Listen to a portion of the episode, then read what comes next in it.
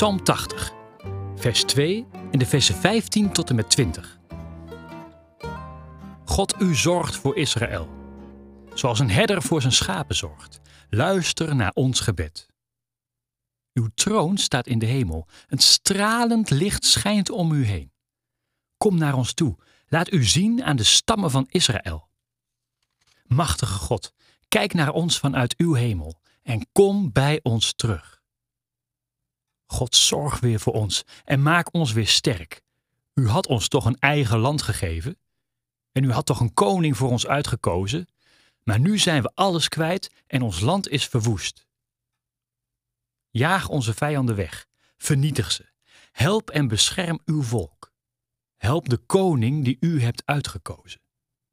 Dan zullen wij u altijd trouw zijn. Maak ons weer sterk, dan zullen wij u eren. Heer, machtige God, geef ons weer kracht. Kom bij ons en bescherm ons, dan zijn we gered.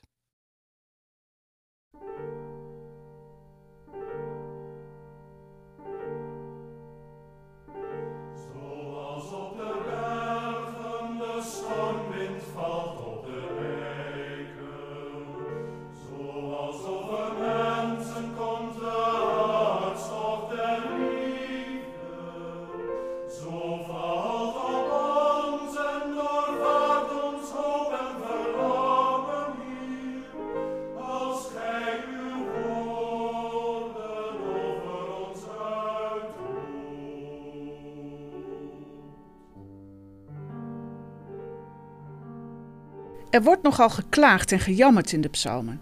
Dat gebeurt steeds weer op een andere manier. Soms heel rauw en direct, soms met meer omhaal van woorden, zoals dat in deze psalm gebeurt.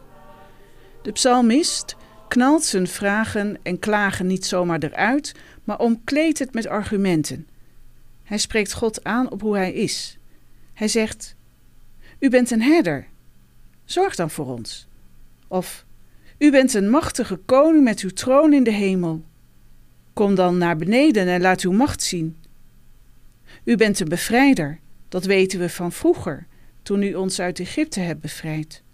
Kom ons dan ook nu bevrijden.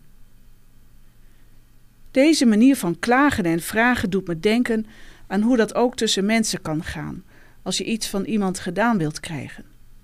Hoe doe jij dat eigenlijk? Hoe zorg jij ervoor dat iemand voor jou gaat doen?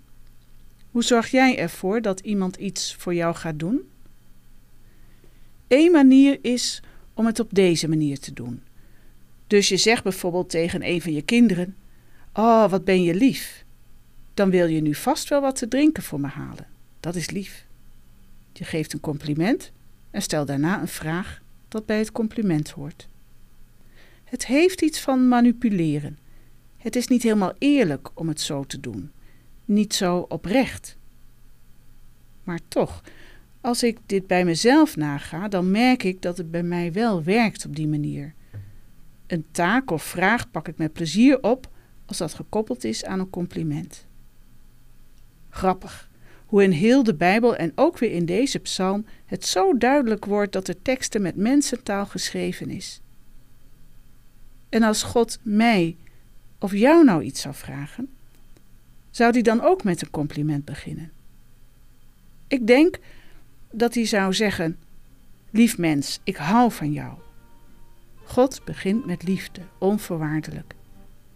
En in het licht van die liefde kijkt hij naar ons, luistert hij en hoort hij als wij vandaag vragen: God, geef ons weer kracht. Kom bij ons en bescherm ons. Dan zijn wij gered.